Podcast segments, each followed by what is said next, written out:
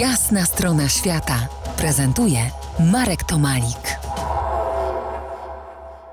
Po jasnej stronie świata Natasza Caban, która niebawem na motocykl wokół Ziemi wsiada po czterdziestce.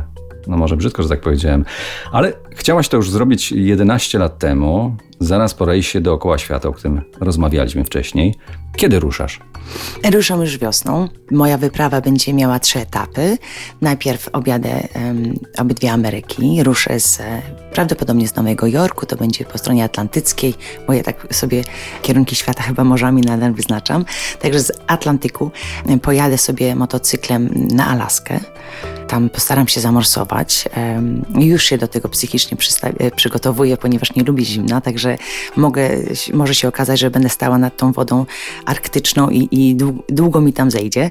Natomiast Alaski, którą zostawię za sobą jesienią, przed jesienią, zanim zacznie tam e, e, być zimno i mnie i misiom, pojadę sobie na dół, w stronę Hornu, no i później zakończę etap w Buenos Aires, może w Montevideo, wszystko się okaże po drodze.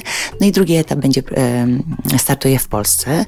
Z Polski pojadę do Azji, z Azji przerzucę motocykl statkiem do Afryki Południowej, no i Afryką już do domu pojadę, czyli do Polski. E, a będzie można się dołączyć? E, to znaczy, chciałbym zapytać bardziej konkretnie, czy ja mógłbym się dołączyć? Każdy się może dołączyć, oczywiście zapraszam. Ha, ha, ha, ha, ha.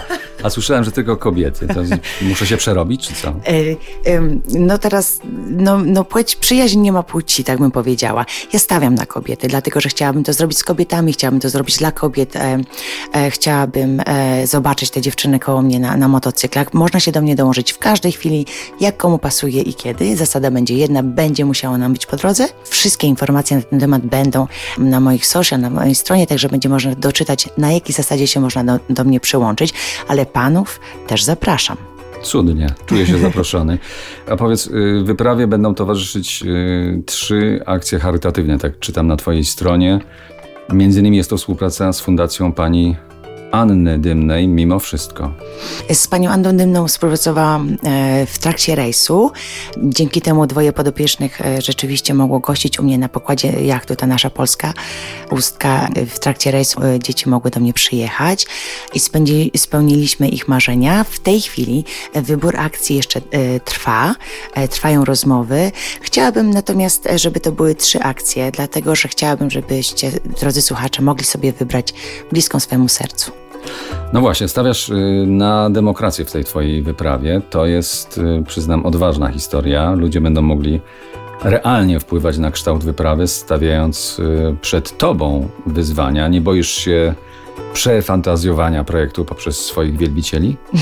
Bardzo się boję, ponieważ słyszałam już pomysły znajomych, które, e, jakie wyzwania mi dadzą, w jakich krajach i, po, e, i zaczęłam się bać rzeczywiście. Natomiast jestem otwarta i zobaczymy, z czym sobie podołam, e, jakie wyzwania rzeczywiście mogą, może okażą się nawet za duże dla mnie. Zobaczymy, będę się starać, będę walczyć.